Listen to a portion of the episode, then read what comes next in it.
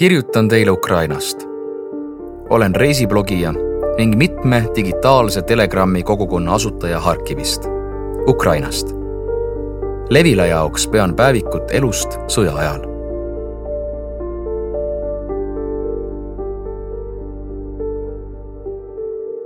kaheteistkümnes aprill kaks tuhat kakskümmend kaks. praegu käib evakuatsioon Ida-Ukrainast. kõige hirmsamad lahingud kõige hirmsam sõda toimub nüüd seal. evakuatsiooniga on nii, et algul mõtled sa, et küllap seal on kõik organiseeritud, seal on arusaadav tegevuskord.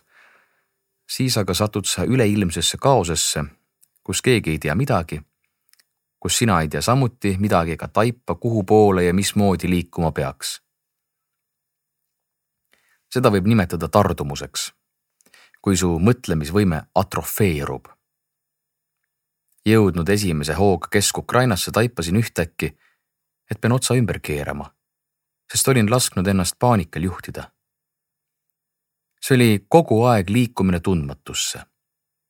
kui saabusin Znamjanka jaama, kus elu kees, kus kohalikud talunikud müüsid turul aiasaadusi, mõtlesin aina, aga mida mina siin teen? miks need inimesed ei taju sõda? vastus oli lihtne.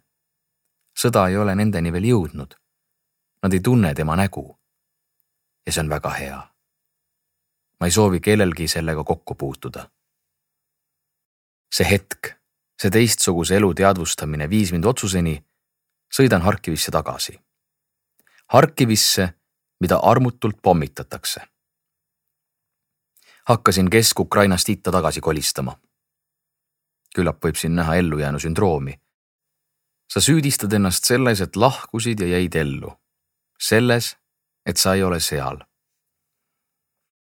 ühelt elektrirongilt teisele ümber istudes jõudsin ööseks Poltavasse. ja seal juhtusin saatuse tahtel nägema ühe sõbranna postitust, et põgenik võib Poltavast tasuta peavarju saada. jah, ma ei pea ennast põgenikuks. kõige õigem määratlus oleks vist ajutine turist kuid tol hetkel oli see ideaalne variant leidmaks kohta, kus elada seni, kuni elus mingigi kindlus tekib elektrirongi peeti mitu korda kinni, et lasta läbi evakuatsioonirongid ja teised tähtsad koosseisud. seetõttu saabusime suure hilinemisega. pääsu polnud, pidin kõndima linnas komandandi tunni ajal. teel peatas mind patrull, poisid andsid viisakalt mõista, et sellisel kellaajal on ohtlik kooserdada ja mingu ma aga kiirel sammul koju. väga adekvaatne suhtumine muide. küllap seepärast, et Poltavat ei ole niimoodi rünnatud nagu Harkivit, Kiievit, Tšernihivit ja teisi linnu. seal nähakse igas komandanditunni rikkujas diversanti ja salakuulajat. see on muide ukrainlastel hämmastav omadus. me suudame ühise häda korral kiiresti koonduda, usaldada teisele oma suurima varanduse, isegi kui me pole omavahel tuttavad. jah, ausõna peale. just niimoodi ma saingi Poltavas elamise mu sõbranna andis oma tuttavale ausõna, et tuleb hea inimene paariks päevaks. muide, paar päeva on üldlevinud väljend. tegelikult ei tea keegi, kui kauaks ta kuhugi läheb, sest sõja ajal on kogu elu üks suur teadmatus. Poltavas kohtasin oma sõbratari Anjat. ta tahtis sõita Belgiasse, kuid ei julgenud. kartis üksinda minna, kartis koera kaasa võtta ütlesin talle kohe, et kavatsen lähemal ajal sõita Ukraina lääneossa ja võin koera vajadusel oma sõprade juurde viia. Nende paari päevaga, mis ma kavatsesin Poltavas olla, mõtlesin välja, et sõidan Harkivist läbi ja võtan koera, kuid selle plaani laitsid maha nii Saksamaal asuv neiu, ema kui ka teised sugulased. lõpuks veensin Anjat sõitma Lääne-Ukrainasse, ise aga sõitsin Dnepri paremkaldal asuvasse Krementšukki jäin sinna Anjat ootama, et siis koos lääne poole kulgema hakata. mõtlesin Anjat oodata ühe päeva, kuid tema jäi oma tuulepäisuses maha kõigepealt ühest rongist, siis teisest. ühesõnaga, ma ootasin Anjat Krementšukis kolm päeva. tal vedas, sest mu sõber oli autoga tulemas ja korjas ta Poltavast peale, hiljem ka mind Krementšukist ning tõi meid Aleksandriasse niimoodi sattusime me Anjaga Ukraina südamesse. kesksemat jaama ei ole Ukrainas lihtsalt olemas. saabusime kell kuusteist kolmkümmend. meid läände viiv rong pidi väljuma kell seitseteist kolmkümmend.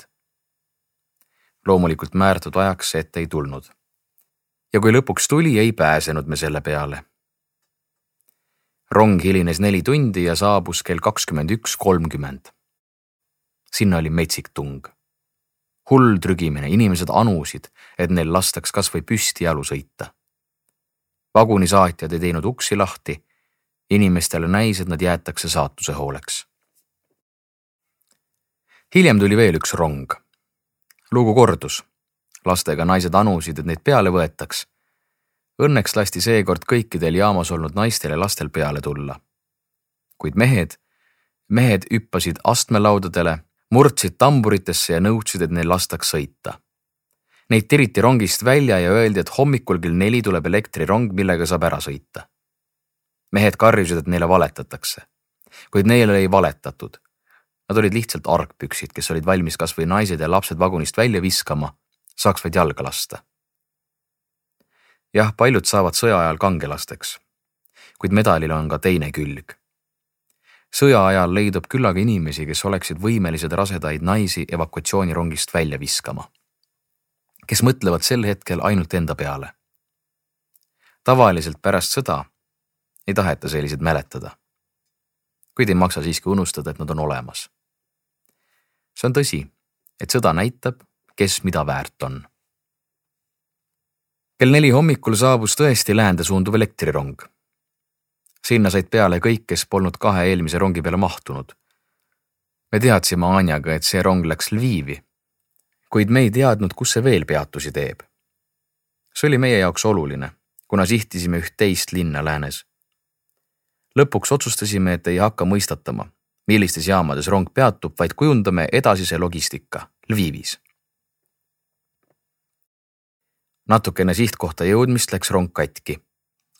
Samal ajal inimene, kes pidi meid jaamast peale võtma ja Ivano-Frankivskisse viima, jäi piiril kinni siis mõistsime, et ei jõua kuidagi linna enne komandanditunni algust.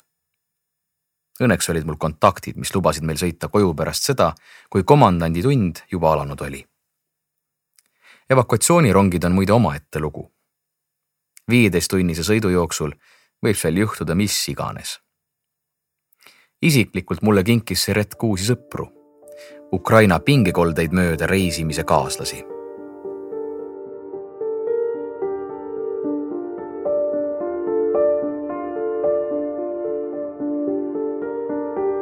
autor Taras Kovaltšuk, tõlkija Veronika Einberg, toimetaja Iisa Laan.